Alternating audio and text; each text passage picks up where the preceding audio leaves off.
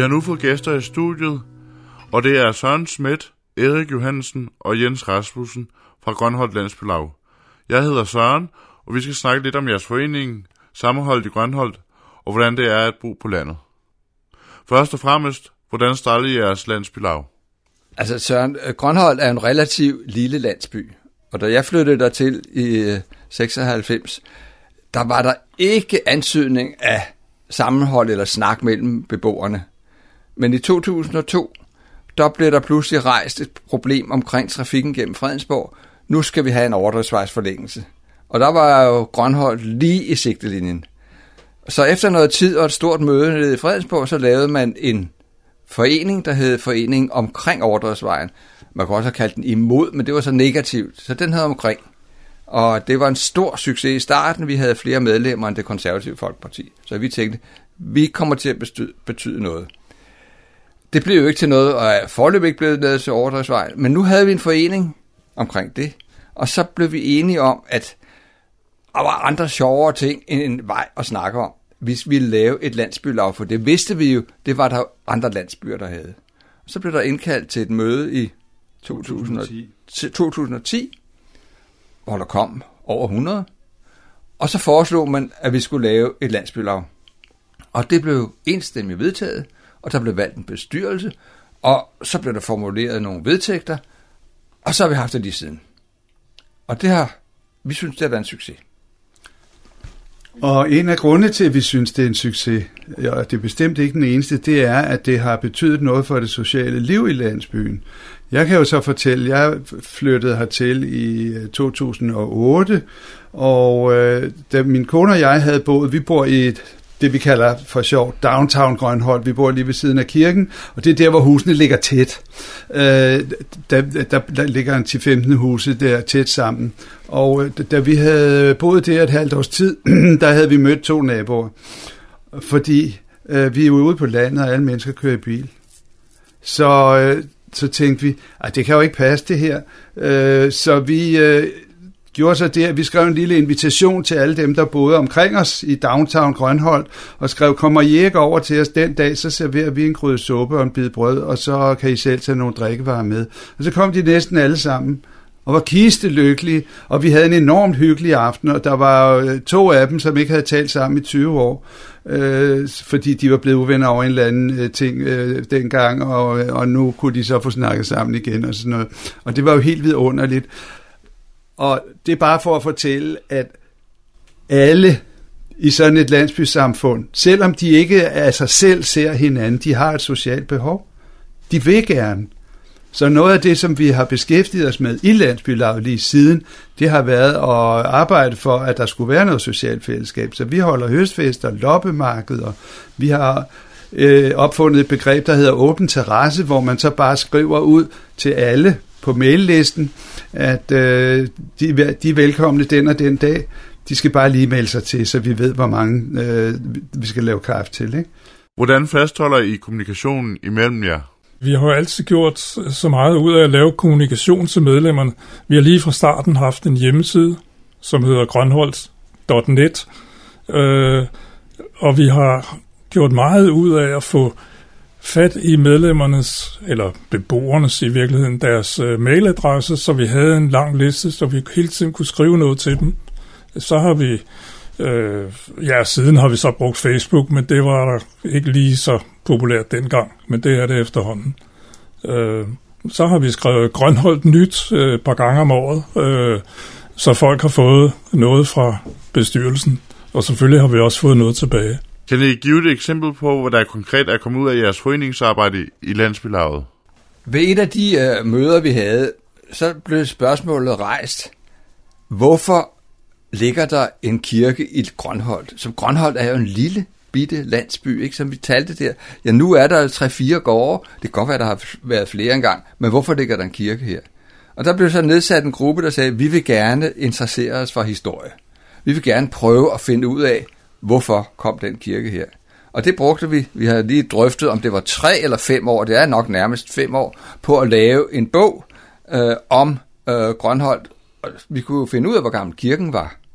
Og der har formentlig været en by, der kirken, den er, kirken er næppe kommet først. Men kirken er cirka 900 år gammel, så Grønhold landsby er i hvert fald 900 år gammel.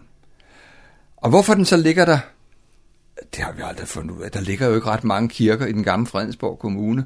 Men Grønholdt er så en af dem, og det har naturligvis været et samlingspunkt. Vi diskuterede så i lang tid, mens vi skrev bogen, det er mærkeligt, alle andre steder, hvor der ligger en kirke, der ligger der også en kro. Altså, der har været smugkro i Grønholdt, men, men, men en rigtig kro, nej. Men vi fandt jo altså til sidst et stykke papir, hvor der står, at kongen han ville ikke forny bevillingen til kroen. Så der har altså engang været en kro. Det er længe, længe siden. Men det hele hænger sådan set sammen. Historien er, der har været en kirke, og der har været en kro. Og det skyldes jo nok, at vejen, der går igennem Grønholdt, Grønholdtvej, er en af vejene ud til vandet. Og det vil sige, at der har kunnet komme ud og hente fisk og køre ind på landet. Så det har været en transportvej oprindeligt. Man har selvfølgelig også kunnet øh, køre gennem Asminderød, men det er to parallelle veje, der går helt ud til vandet. Så Grønholdt har haft en eller anden betydning for den transport fra vandet og ind i byen. Og selvfølgelig har bønderne kunnet køre deres produkter ud til vandet og få dem sejlet til København. Det var der, hvor markedet var.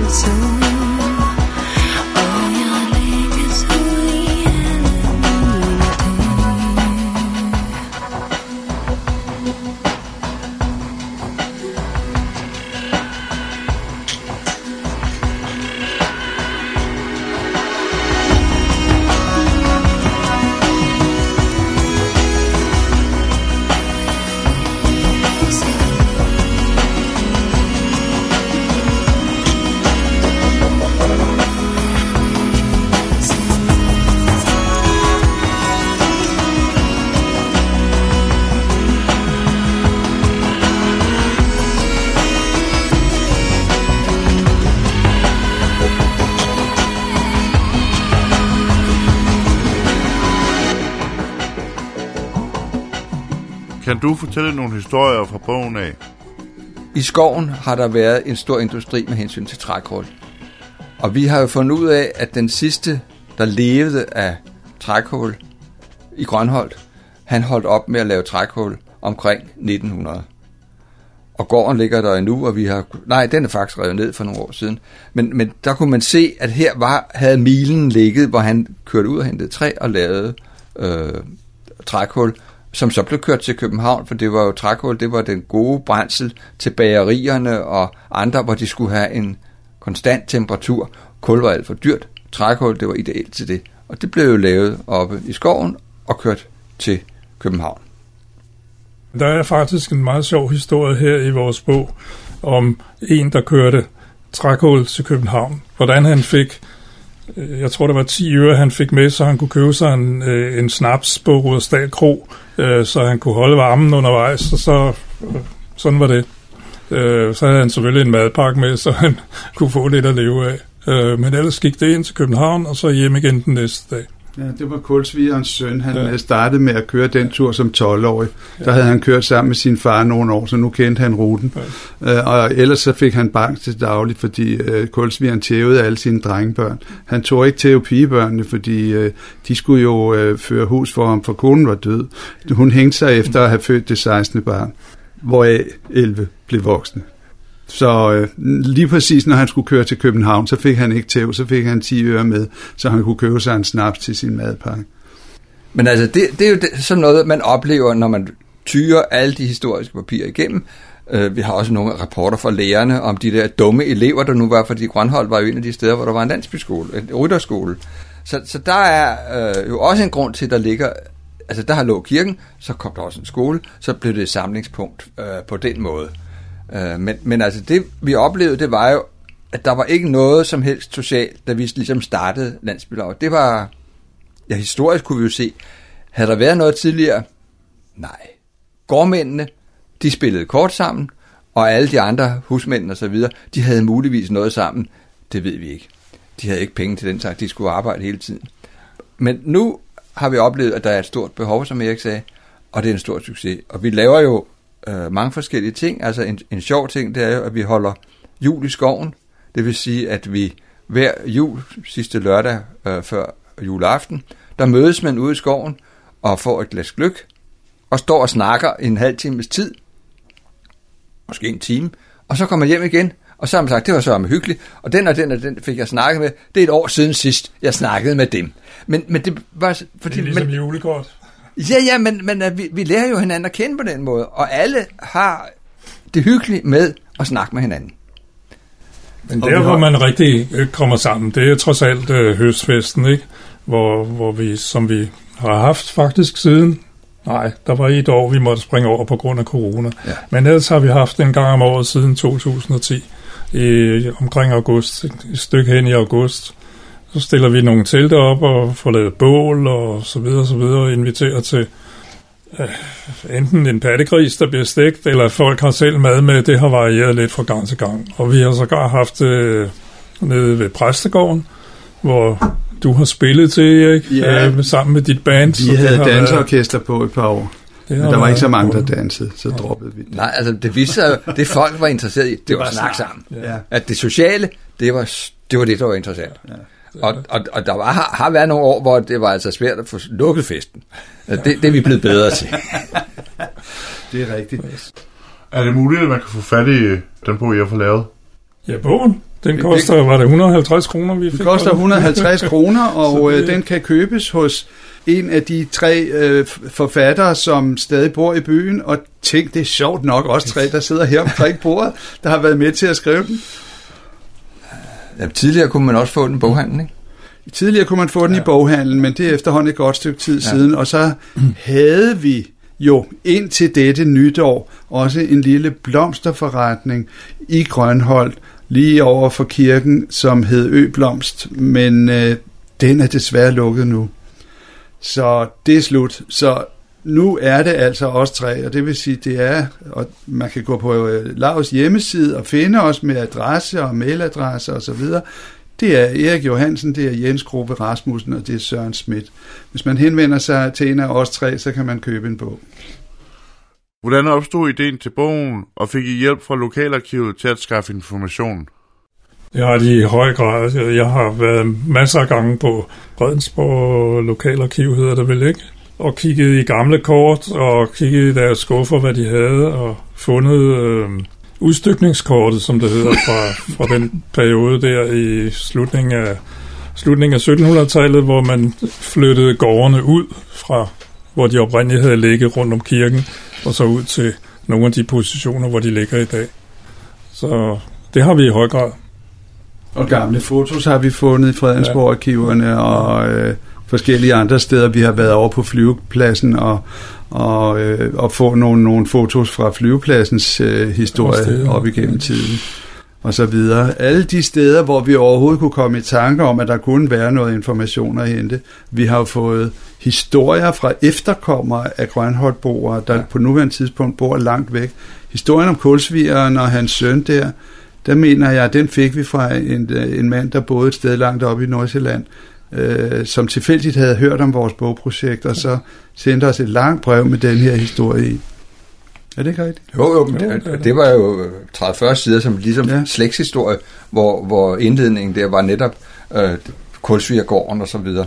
Så, så, men altså, vi, vi kom jo også i kontakt med en kvinde, som øh, interesserede sig for slægtshistorie, og havde skrevet om alle gårdene, og slægter, hvornår de var døde, og befulgt, og alt muligt. Så vi fik ligesom et, et, et grundlag, og det ligger så også på Fredensborg-arkiverne i dag, så der kan man gå ind, eller det kunne vi jo hele tiden, gå ind og sige, hvem har ejet den gård, og hvem var, og så videre, så man ligesom kunne justere ind, hvad er det for noget, der er sket på gårdene. Men, men det er jo primært gårdene, der ligesom øh, er øh, meget historie om. Øh, men, men det har været sjovt at gå ind og se, hvordan fordelingen var af mennesker på de små husmandssteder og så de store gårde. Hvornår fik I uh, ideen til at lave bogen? Jeg tror, det er en 7-8 år siden.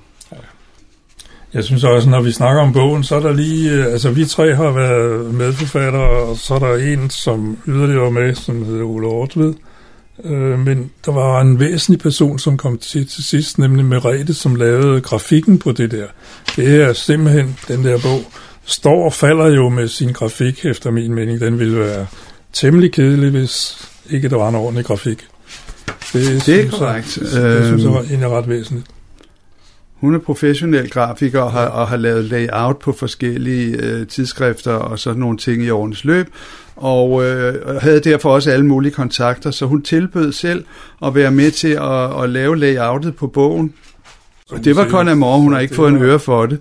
Og skolelæreren i blandt os, det er mig, øh, kunne jo ikke slippe det der, fordi han ville fandme også være med til at lave øh, layout på den bog. Så det har Merete og jeg lavet i fællesskab. Og så kendte Merete selvfølgelig også en bogtrykker, som ville øh, lave den til en favorabel pris. Og det er derfor, vi kan sælge den for 150 kroner. Det er jo så fordi, at øh, det er simpelthen de rå udgifter til bogen, som, øh, som skal dækkes ind af det der, ikke? Fordi alle vi andre, vi har, vi, har, vi har jo ikke fået noget for det. Som Nej, men altså, vi har fået støtte fra kommunen øh, og fra. Veluxfonden. Ja, Og så var der nogle af, af, af borgerne, der ligesom sagde, vi støtter det der med et eller andet antal tusind kroner, så vi faktisk øh, fik, øh, fik nogle penge ud, ud af det, som er gået i, i landsbyens kasse.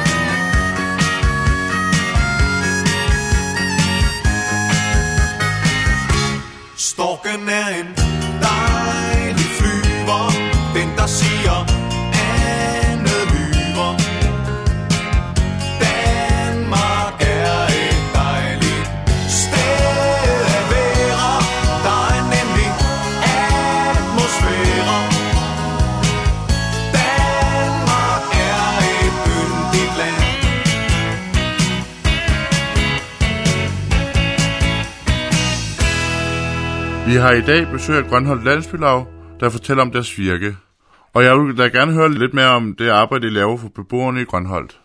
Der har jo været lavet mange ting hen ad vejen. Fibernet for eksempel øh, for nogle år siden, det er vel efterhånden 7-8 år siden eller noget af den stil, der opdagede vi, at vi manglede kapacitet, og så fik jeg øje på øh, sammen med nogle andre, at der var mulighed for at søge en øh, bredbåndspulje.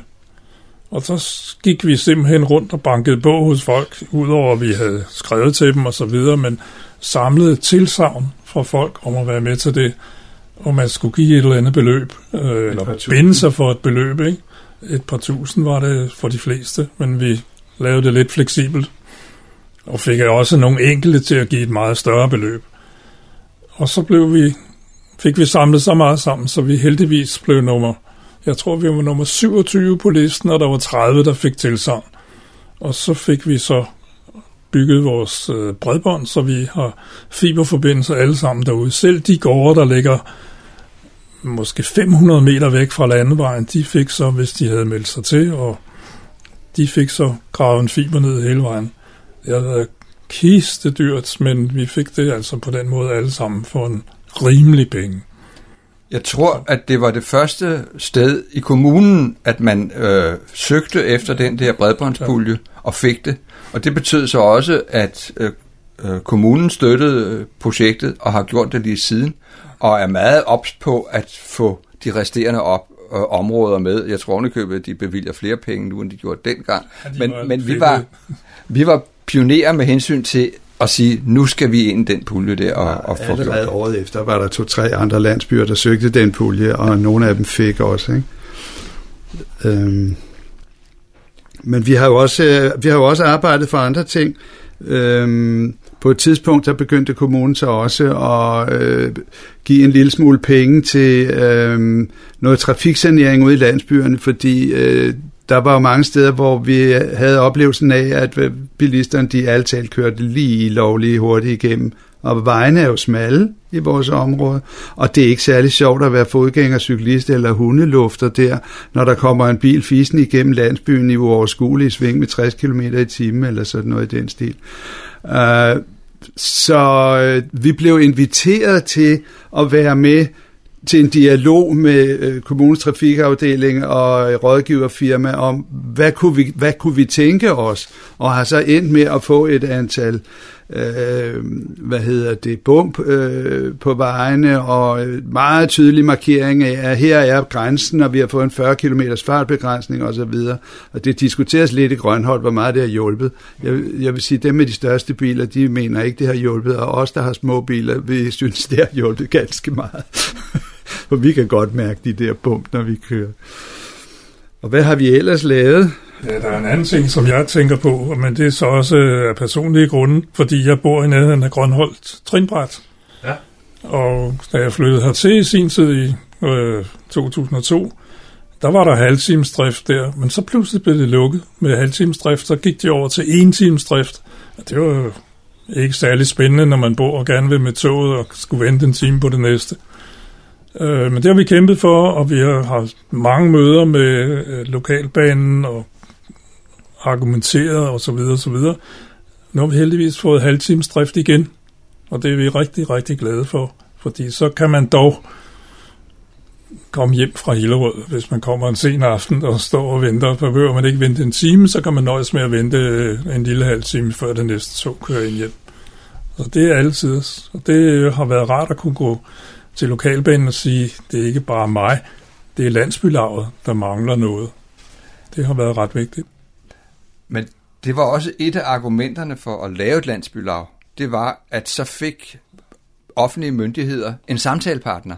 Fordi det der med, at der kommer en borger og siger, at jeg har et problem, det er ligesom, ja ja, dem er der nok, der bor jo tusindvis af borgere i kommunen. Men her kommer der en gruppe, som bliver repræsenteret af nogle få mennesker, men de har, de er repræsentanter for en hel masse andre. Det er meget lettere for kommunen at sige, okay, det tager vi seriøst, det arbejder vi med, og vi kan også henvende os til dem, hvis vi har for eksempel spørgsmål om trafik, for vi ved, hvem vi skal snakke med. Øh, og det har vist sig, det fungerer. Øh, vi har også på et tidspunkt lavet et forslag til en lokalplan, for vi siger, der er ikke nogen lokalplan for Grønhold. Ikke fordi der skal bygges en hel masse, men, men vi siger jo helt klart, det er jo rart for øh, dem, der bor der, at når et hus bliver solgt, så dem, der køber det, så ved de, hvad de må, når de nu ændrer huset. Det gør vi jo alle sammen, når vi køber et hus, så gør vi jo et eller andet, der, der passer os. Men lad os det nu lige være sådan, så at naboerne kan sige, ved du hvad, der ligger en lokalplan, det her, det har vi accepteret i lokalplan, det er det, du må.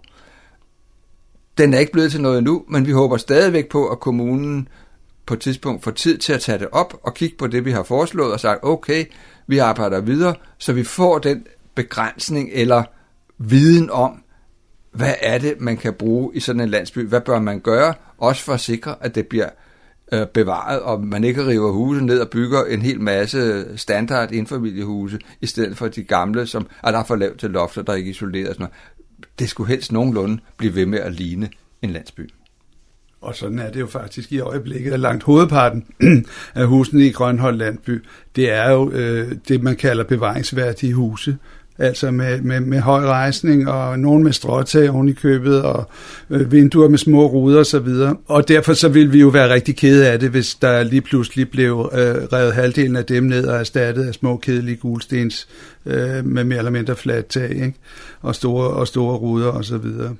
Øh, men det leder mig sådan set også videre til at tænke på, at det er jo den type interesse, som det jo ikke kun er Grønholdt i Fredensborg Kommune, der har. Det er, der jo, det er, det er jo de samme interesser, alle landsbyerne har. Og vi har også en par plyorganisation, som Søren i øvrigt har været med til at starte for efterhånden mange år siden med, jeg tror bare seks landsbyer, og hvor vi efterhånden er 17 landsbyer, der er med. Og den er jo repræsenteret i blandt andet kommunens grønt råd, og vi holder møde 3-4 gange om året og taler om, hvad der er vores fælles interesser og har dialog med kommunen på, som øh, repræsentanter for alle landsbyerne i kommunen. Og det, vi, det sætter vi stor pris på. Så den paraplyorganisation, det er, er det kun for Fredensborg Kommune, eller er det også... Det er kun Fredensborg Kommune. Okay. Der var noget med, at I fik en hjertestarter. Hvordan kom det i stand? Der er mulighed for at få en gratis hjertestarter, hvis man lige samler noget ind. Og så skulle man altså gå en rute et eller andet sted i landet. Det var sådan set ligegyldigt hvor. Så ville, øh, og hvis man fik tilstrækkeligt mange af dem samlet sammen, så ville Hjerteforeningen give en hjertestarter. Og det gjorde vi så sammen med øh, blandt andet menighedsrådet. Så nu sidder der en hjertestarter på øh, kirkegårdsmuren i Grønholdt, som vi jo alle sammen kan få brug for, hvis vi er rigtig uheldige.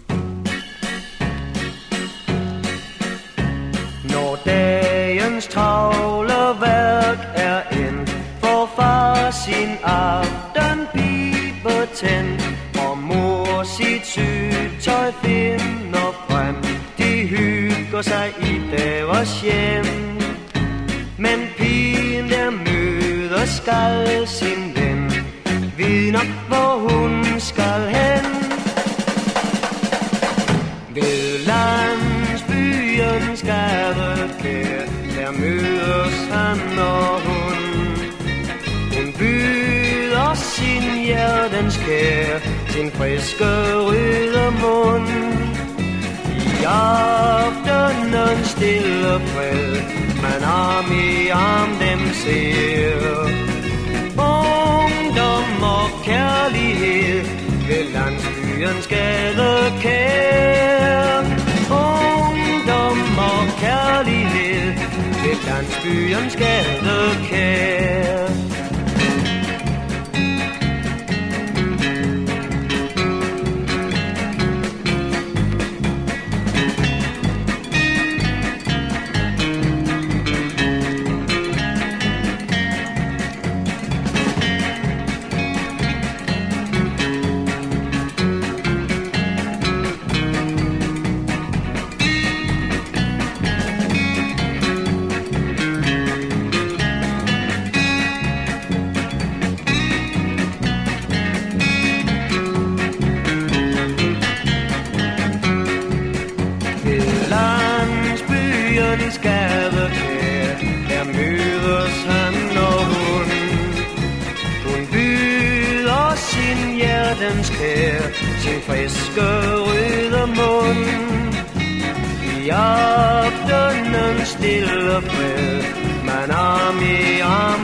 ser.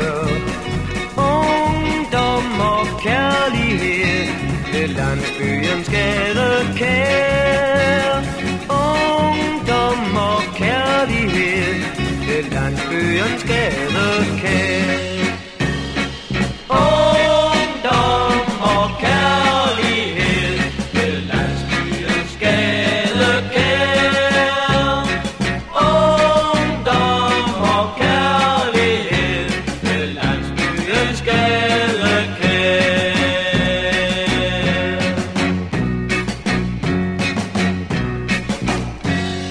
Grønholdt har også et gadekær. Hvordan fungerer det?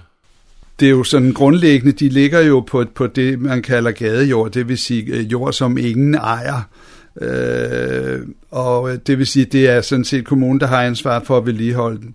Og øh, det har kommunen ikke gjort i mange, mange år. Og for eksempel vores gadekær i Grønhold er fuldstændig tilgroet. Og det har også været fuldstændig overgroet af træer og sådan noget, så der kunne ikke komme sol til. Og øh, det naturlige øh, biologiske miljø i, øh, i gadekæret er blevet dårligere og dårligere. Og øh, tidligere, i, i tidligere tider, da der ikke var nogen form for affaldsordninger så nogle steder som ude på landet, der øh, smed folk jo også alt muligt skidt og lort øh, ud i gadekæret, så at øh, der er et, øh, et mudderlag på bunden, hvor, hvor øh, det simpelthen er forbudt at gå og pille op i det, uden at man har fået tilladelse, fordi det kan være frygtelig, frygtelig forurenet. Der har øh, landsbyrådet så på landsbyernes vegne øh, forhandlet med kommunen om at få nogle penge til at gøre noget ved det her. Det er så småt ved at komme i gang. Lige netop nu kan man se op i Asminderød, at øh, der er de faktisk i fuld gang med at øh, rense op og, øh, og rydde rundt om øh, landsbyens gadekær. Men øh, der er desværre ikke så mange penge i kommunekassen, så øh, at vi regner med at få ordnet vores lige forløbig. Men øh, en skønne dag, så vil landsbyens gadekær i Grønholdt også blive gjort fint igen. Altså, jeg har altid argumenteret over for kommunen, at lå der en park midt inde i Fredensborg eller Kokkedal eller hvad pokker, så skulle man nok sørge for at vedligeholde den og gøre den pæn. Vi betragter gadekæret som vores park. Hvorfor kommer de ikke i gang? Har I noget øh, samarbejde med nogle, øh, for eksempel nogle øh, lokale foreninger eller et eller andet? Om nogle arrangementer eller et eller andet? Jeg hørte, I for eksempel havde det der høstmarked og sådan noget. Vi har holdt loppemarked nogle gange i forbindelse med høstfesten, men det har så været en anden lille gruppe, altså nogen vi kender, og nogen som er medlem af landsbylaget, som har taget initiativ til at tilbyde at lave sådan et øh, loppemarked, øh, men det har vist nok været lidt svært de sidste, det sidste år at få det samlet rigtig sammen, for det er en, Ja, de begyndte Det at knive ret... med, med deltagere nok. Altså, der er ikke så meget ved et loppemarked, hvor der Det er fire boder, vel? Der skal det er være ret stort 15-20 arrangement at stille på benene, og ja. så pille det ned igen efter fire timer, ikke? Så, det er- Men altså, man kan ikke sige, at vi ud over øh, Landsbyrådet, så har vi ikke samarbejde øh, med, med nogle andre øh, foreninger. Men det er jo også ret væsentligt at samarbejde med de andre landsbyråd, som har nogenlunde de samme interesser, som ja. vi har. Ikke? Og dem er der jo altså efterhånden mange af i kommunen.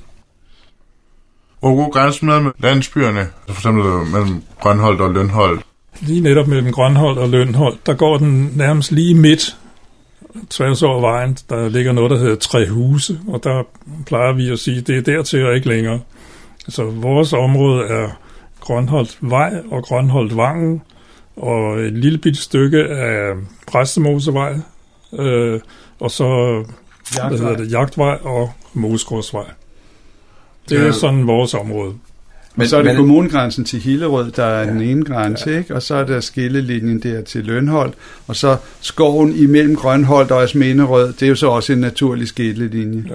Så det er egentlig meget enkelt at, at, at se, hvor, hvor stopper Grønholdt. Men, men altså i virkeligheden, øh, så er det de skillelinjer, vi aftalte, da vi lavede øh, la- landsbylaget, det er dem, som vi kan se øh, i bogen her, fordi det er der, hvor øh, det hed Grønholdt. Altså matriklerne hed Grønholdt dertil, og, så, og det var det, som man opfattede som Grønholdt by, og så har, man, har vi taget øh, den del op til Kongevejen med, fordi hvor skulle de ellers høre til? Altså, de måske, har måske engang heddet til Sørup, men, men det er ligesom langt væk, inden man... Så, så vi har taget ligesom alle med, og det var meget aktuelt, da vi skulle lave det der bredbånd, fordi dem, der boede ude i udkanten der, som ikke hørte til nogen andre steder, jamen ind i vores kappe, så er vi sikre på at komme op på nok øh, medlemmer, så vi kunne få den der støtte, og der var ikke nogen andre steder, hvor de ligesom kunne, jamen altså det der med fem gårde, der ligger for sig, de får ikke støtte til det der, men de kunne komme ind i det. Og det er ligesom også dem, der står på vores mailliste, så vi siger, okay, de er med her, men, men altså, ja, det er Grønholdt. Ja, og de føler også, at de hører til Grønholdt, helt klart, når man taler med dem. De har ikke nogen forbindelse med Sørup. Hvad er jeres forhold til Grønholdt flyveplads? Anstrengt. Ja, en lille smule anstrengt. Det er sådan lidt forskelligt, hvem du spørger. Der er nogen i, øh, i byen, som er meget vrede på Grønholdt flyveplads. Øh, sjovt nok, så var det nogen, der boede sådan mere eller mindre lige for enden af startbanen, sådan så flyverne fløj lige hen over huset. Jeg bor sådan øh, et stykke ud til siden, så de flyver øh, op og ned nogle 100 meter fra, hvor jeg bor. Jeg er knap så sur. Men, øh, men øh, der, er ikke, der er ikke noget sådan særligt venskabeligt samarbejde, det kan man ikke sige. Jeg er heldigvis tilbage, det er så lidt før min tid, det må have været omkring år 2000 eller 2002, der var der en, en, en folkelig protest mod, at der blev for meget flyvning dernede. På det tidspunkt var der skoleflyvning og sådan forskellige ting, og det blev altså stoppet, og der blev lavet nogle regler for, hvor meget de må flyve, og hvilken rute de gerne skulle holde. Så med de regler, så går det jo nogenlunde. Men, men altså, man kan så sige, at de der regler og så videre, jo ikke blev udformet ret meget på grund af Grønhold. De blev udformet på grund af villakvarteren i Hillerød, fordi ved siden af ATP og der, der skulle alle flyene lige henover, og der bor jo altså mange mennesker i forhold til Grønholdt. Og det var dem, man sagde, ej, så må I ligesom flyve, så vi ikke generer dem. Øh, men, men det har vi da selvfølgelig nyt godt af. Øh, og så alt det der med, med skoleflyvning og alt sådan noget, det blev forbudt. Så det er ikke ret meget mere. Og Det er en lille, en lille beskeden flyveklub med, ja. med, Og med jeg tror, 22 medlemmer. Natflyvning er heller ikke tilladt. Det Nej. er fra klokken 7, tror jeg, de må starte, og så skal de komme ned igen på et eller andet passende tidspunkt. Jeg kan ikke huske, hvornår det er. Men, men der har også fra, flyve, fra flyvepladsens side har der altid været interesse for at lave flyvestævner. Altså for eksempel samle en masse veteranfly, flyve dem ind, og så kunne man komme og se dem. Men det har de fået forbud mod. De må ikke lave flyvestævner og sådan noget. Så, så det er de der 25-15 maskiner, der flyver ret sjældent. Øh, Hvordan er jeres øh, samarbejde med Fredensborg Kommune? Det kan, man jo, det kan man jo se på på mange måder. Det fungerer jo godt forstået på den måde, at der er nogen, der lytter. Øh, om, øh, om landsbyerne får deres vilje, det er jo så noget andet. Altså, der er jo sådan forskellige øh, emner, som er interessante. Der er jo for eksempel øh, forholdene for de bløde trafikanter i kommunen. De øh, befinder sig jo enten i de der bysamfund, hvor der er masser af cykelstier og så videre, og det er vældig sikkert, eller også så, så befinder de sig jo blandt os ude i landsbyerne, hvor man kan sige, at øh, ja, folk er sgu ikke glade for at lufte hund efter mørkets frembrud. De skal i hvert fald være udstyret med noget af alt det der moderne lyst, øh, haløjsa øh, på, på hundens halsbånd og så videre, øh, og, og, og på arme og jakker. Øh, så øh, for eksempel arbejder Fredensborg Landsbyråd for at få øh, lavet et stisystem til de bløde trafikanter. Og det er der stor lydhørhed overfor i kommunen. Det betyder altså ikke, at der sker så forfærdeligt meget. Men det er jo klart, det er jo også dyrt at lave en, øh, en, øh, en cykelsti, for eksempel fra Grønhold til Asminderød, det er 3 kilometer. Øh, jeg ved ikke, hvad sådan noget vil koste, men det er mange penge. Og, og hvis man forestiller sig, at der skulle være tilsvarende cykelstier alle vegne på kryds og tværs igennem øh, kommunen, jeg kan sådan set godt forstå, at det ikke sådan lige er, er det, der står øh, øverst på budgettet. Men øh, det, det er jo i hvert fald et eksempel på, på noget, hvor der foregår en dialog, som er vigtig for os. Og lidt sker der.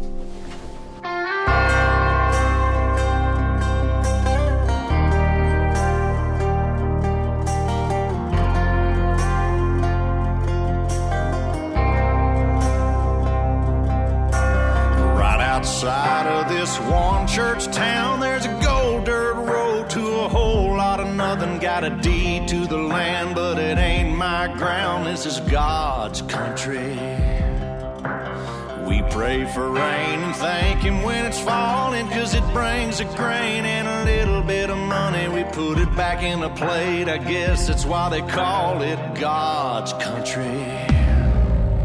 I saw the light in a sunrise sitting back in a 40 on the muddy riverside, getting baptized in holy water and shine with the dogs running.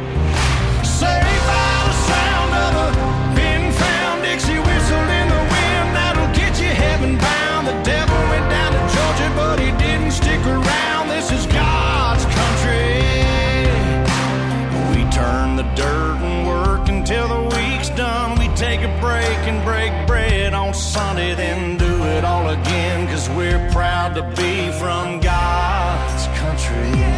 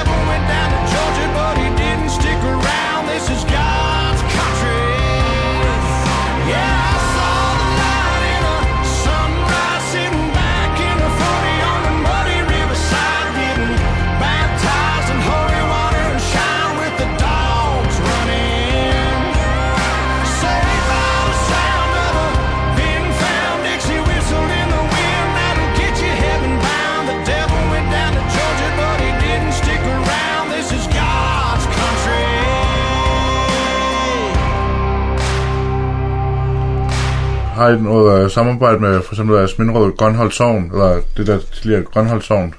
I princippet nej, fordi det er, jo, det er jo to vidt forskellige ting, men i praksis jo.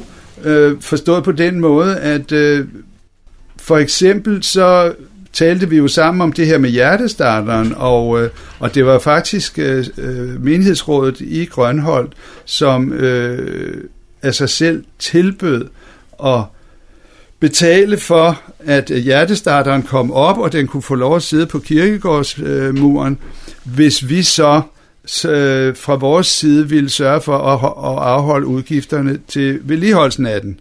Fordi sådan en skal ses efter en gang imellem, og batterier skal lades op, og hvad ved jeg. Og det er jo blevet til noget. Men jeg tror, det er det eneste konkrete eksempel, vi har. Ikke? Ja. Jo, de første par år, vi holdt øh, høstfest, der foregik det faktisk på Præstegårdens gårdsplads. Fordi... Øh, Det var mere sådan en lokal aftale med præsten, har jeg indtryk af. Ja, ja, ja. Det var, det var, det var ikke så meget menighedsrådet. Det var præsten, som var, som var sød, og hun har en stor gårdsplads. Men så siden så fandt vi ud af, at det var måske nok så smart at holde det ud på en flad mark, og det har vi så gjort siden. Kan I fortælle om uh, voldstedet i skoven mellem uh, Grønholdt og Esminderød? Vi kan fortælle en lille smule, fordi vi har lavet de her historiestudier, men Ja, ellers jo ikke så meget. Var det Frederik den 7., eller hvad var det for en konge, som var ivrig amatørarkeolog? Ja, han var ved at ødelægge det. Øh, og, og, og når han var amatørarkeolog, så skal man jo forstå det på den måde, så fik han sat en, en bekvem stol op, og så havde han en masse øh, arbejdere med skovle, som så øh, gik i gang med at grave, øh, og en moderne arkeolog ligger jo nærmest med en teske og skraber øh, 1 mm jord af ad gangen. Det her det foregik jo på en anden måde. Den har en firkantet ringvold, og øh, der, der øh, bliver der så gravet tværs igennem fire steder. Man fandt ikke noget synderlig interesse, så blev det kastet op igen. Men øh, jeg tror nok, at voldgraven det- det- rundt om det blev lidt blev jo- uddybet, ikke? Det blev jo faktisk ikke kastet op. Det stod jo i mange, mange år som fire høje, og lokalbefolkningen kaldte det fire høje. Det er først uh, meget sent, at man rigtigt. ligesom retablerer selve øh, voldanlægget som, som en, en firkantet uh, enhed. Men det, der er interessant, det er jo, at der findes jo nogle, nogle uh, papirer fra 1150 eller et eller andet deromkring. Der står underskrevet af kongen på Grønholdt Slot. Og så er det, man siger, okay, det må være voldstedet, men Voldsted er ikke andet end et øh, sted, et tilflugtssted. Altså, der, er jo ikke, der har aldrig været nogen huse eller noget inde i det. Det er sådan en tilflugtsborg. Så det kan dårligt være der, og kalde det et slot, det er i hvert fald noget af en overdrivelse. Så derfor er vi så spændt på, hvornår vi finder slotsruinen inde i øh, øh, Grønholdt Hegn, fordi det savner vi altså. Men et eller andet sted, at kalde det Grønholdt Slot, det, altså, når kongen rejste rundt, og der ikke var øh, et slot i nærheden, så boede han jo ofte på præstegården. Det var det eneste officielle, der var. Men så har man ikke skrevet Grønholdt Slot. Så hvor fanden det er, det glæder vi os til at finde. Har man i Grønholdt nogle særlige historiske bygninger? Grønholdt har jo en af, af, af de danske rytterskoler, som ble, øh, blev øh, opført på øh, kongelig øh, bud for netop 300 år siden. Øh, vores, vores rytterskole har lige øh, sidste år holdt øh, 300 års fødselsdag, fordi den øh, oprindeligt er blevet bygget i 1722, og de her skoler de blev bygget over en stor del af landet. Øh, efter den samme tegning. Så de er næsten ens. Dem kan man finde i, i forskellige landsbyer rundt omkring. Ja. Og øh, hvad hedder det? Lige præcis øh, Grønholds øh, rytterskole, der er den oprindelige jordlod, som var en del af lærerlønnen. Altså læreren fik et eller andet kontantbeløb i, i, i løn om året. Øhm, men så fik han også et stykke jord, der var så stort, så han kunne have et par dyr og, og, og lige dyrke lidt øh, kartofler og grøntsager og så videre til livets opretholdelse.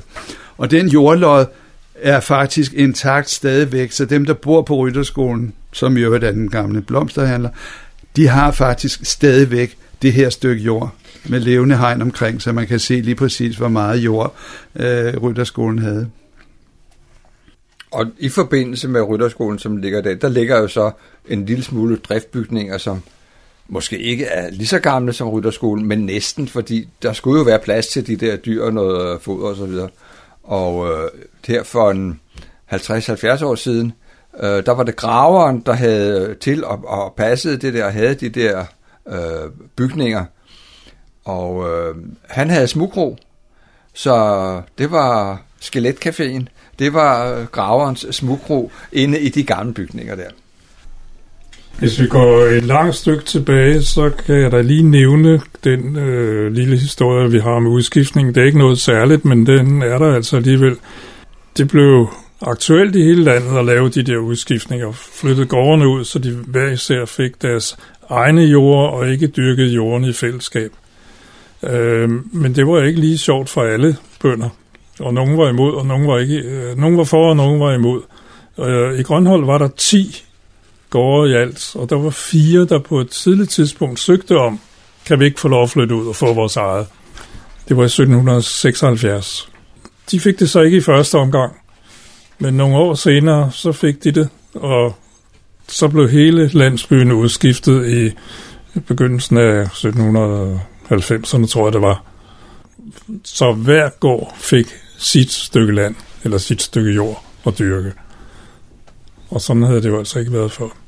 Men, men, men det, der er interessant og specielt for Grønholdt, det er, at Grønholdt Hegn, det var ikke kongens skov, som alt det andet var. Det var Grønholdt bys skov. Og det vil sige, at der gik, øh, kreaturerne gik jo øh, og samlede olden og så videre ind i skoven. Og da man lavede den der første udskiftning, så var der to af gårdene, der fik jord inde i det, der i dag er Grønholdt Hegn. Og de opgav altså efter relativt kort tid, for det har været elendigt derinde, øh, sådan i små lysninger imellem træerne, der kan, der kan I lige øh, lave en lille markhisterpis. Øh, så, så det var relativt kort tid, at der lå to gårde inde i selve Grønholdt Hegn, og det, og det holdt helt op, fordi Grønholdt Hegn blev nedlagt som en del af Grønholdt landsby, men blev til en del af Kongeskov. Har der i Grønhold været tilknyttet nogle kendte landsbybørn? På et tidspunkt var det meget moderne, at nogle af skuespillerne fra det kongelige teater, de øh, havde sommerboliger ude i området, øh, og altså Bodil Ibsen boede jo også i, i det område og begravet på, på øh, Grønholdt Kirkegård. Så der er nogle af de der øh, KF'er, der har kommet øh, en del i området, men altså det er jo ikke noget, de har sat øh, præg på byen af. Det er det ikke. Og så, altså, hvis vi endelig snakker om, om KF'er, så kan vi jo også fortælle, at øh, i, øh, nu er, nu er Asminderød og Grønholdt Sogne lige blevet lagt sammen, men, men det har i mange år været et fælles pastorat. Og i det pastorat ligger der tre kirker. Der ligger Fredensborg Slotskirke, så ligger der Asminderød Kirke, så ligger der Grønholdt Kirke.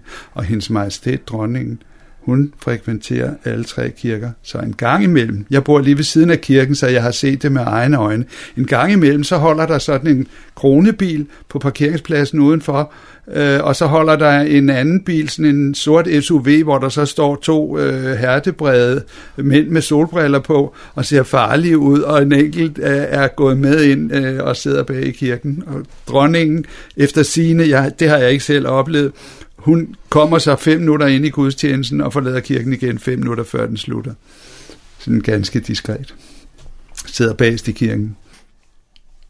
Lis Hartl øh, er jo også, mener også er begravet. Hun havde jo en gård, hvor hun red. Ikke? Altså, der er et utal af gårde, der har heste ja. i Grønhold.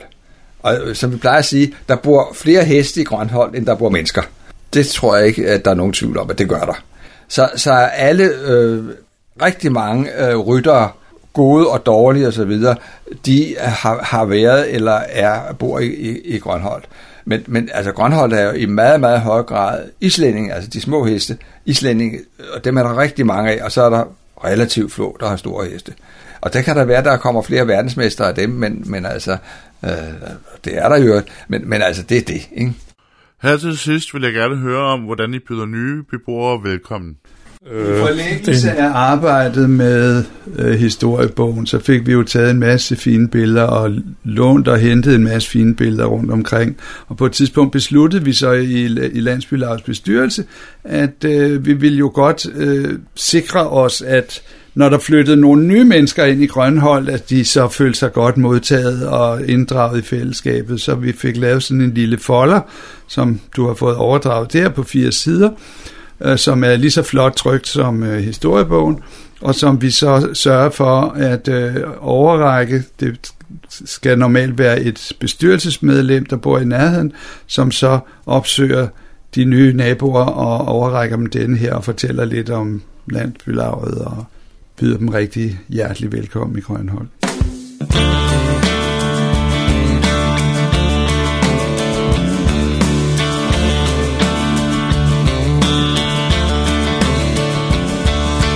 Bondemand Jensen, han er sgu snu. Han skider på havre og hvide og ro. Har lavet sine marker til en campingplads. Og inde i laden går det løs med rock og jazz. Ude i haven står roser i flor. Men der er også andet, som der gror. For Jensen, han dyrker lidt krydder til en chillum. Og sælger det med lørdag på torvet i Billum. Åh, oh, ja, hvor fedt. Åh, oh, ja, hvor fedt.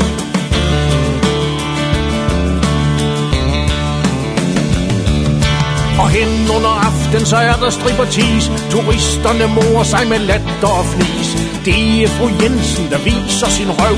Hun gør nok for penge, men også lidt for sjov. Og datteren på 14 er pornomodel.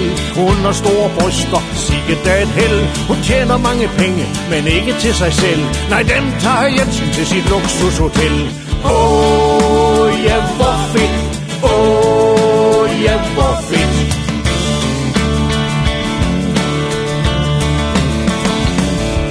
Hoteller og restauranter, den får hvad den kan tage.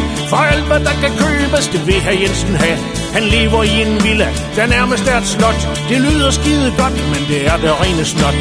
Men så en dag, så sker der et krak. Færdig med Jensen, helt farvel og tak. Nu tror I vel, at Jensen han sidder i spil. Nej, han er i Dubai og skider på sin gæld. Åh, oh, ja, hvor fedt. Åh, oh, ja, hvor fedt men fru Jensen viser stadig sin bareste røv. Nu er det kun for penge og ikke spor for sjov. Og datteren er ikke mere pornomodel, for hun har fået udslet. Det klør, og hun har skæld. Åh, oh, ja, hvor fedt. Åh, oh, ja, hvor fedt. Åh, oh, ja, hvor fedt. Åh, oh,